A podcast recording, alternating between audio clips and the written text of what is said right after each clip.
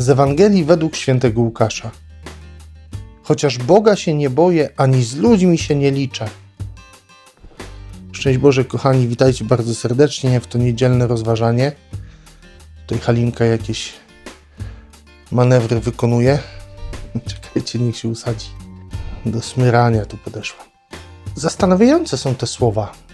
Bardzo takie specyficzne, bo zobaczcie, dwa razy dokładnie to samo wyrażenie pada w tej Ewangelii. Najpierw, kiedy narrator opisuje tego sędziego, a potem to on sam przyznaje, że Boga się nie boi i z ludźmi się nie liczy.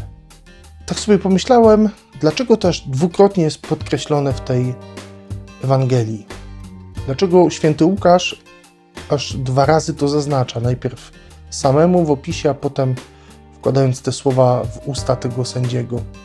Zobaczyłem bardzo ważną rzecz, mianowicie, mimo że ten człowiek, sam przyznaje, no właśnie, nie jest bogobojny, to i tak to stanięcie w prawdzie, którego on dokonuje, i ta prawda, w której on żyje, pozwala mu na zrobienie rzeczy, która jest charakterystyczna Panu Bogu. I teraz, żeby to nie zabrzmiało jak jakaś herezja, ale do czego zmierzam?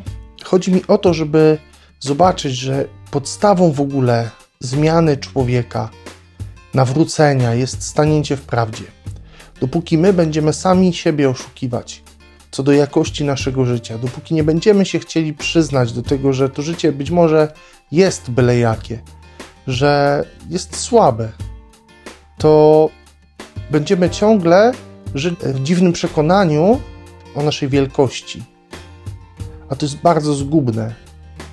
Stanięcie w prawdzie pozwala nam dobrze rozeznać rzeczywistość, nie tylko naszego życia, ale także tych wszystkich, którzy są dookoła nas i naszej postawy wobec świata, wobec relacji z innymi ludźmi. Kochani, zastanówmy się dzisiaj, jacy my jesteśmy. Przed czym uciekamy, przed jakimi myśl myślami o sobie uciekamy. I nie chodzi mi tutaj o takie myśli, które są wynikają z jakiejś, jakiejś nerwicy, natręctw, z jakichś lęków takich chorobowych wręcz, nie? Myślę, że rozumiecie o co chodzi. Tylko w jaki sposób ja nie chcę o sobie myśleć? O, może w ten sposób. Chociaż mi się gdzieś to tam nasuwa, a ja to chowam gdzieś, ukrywam.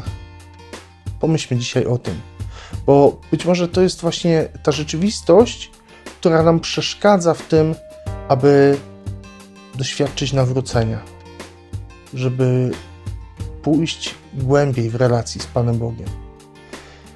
Myślę, że warto o tym pomyśleć dzisiaj, w niedzielę.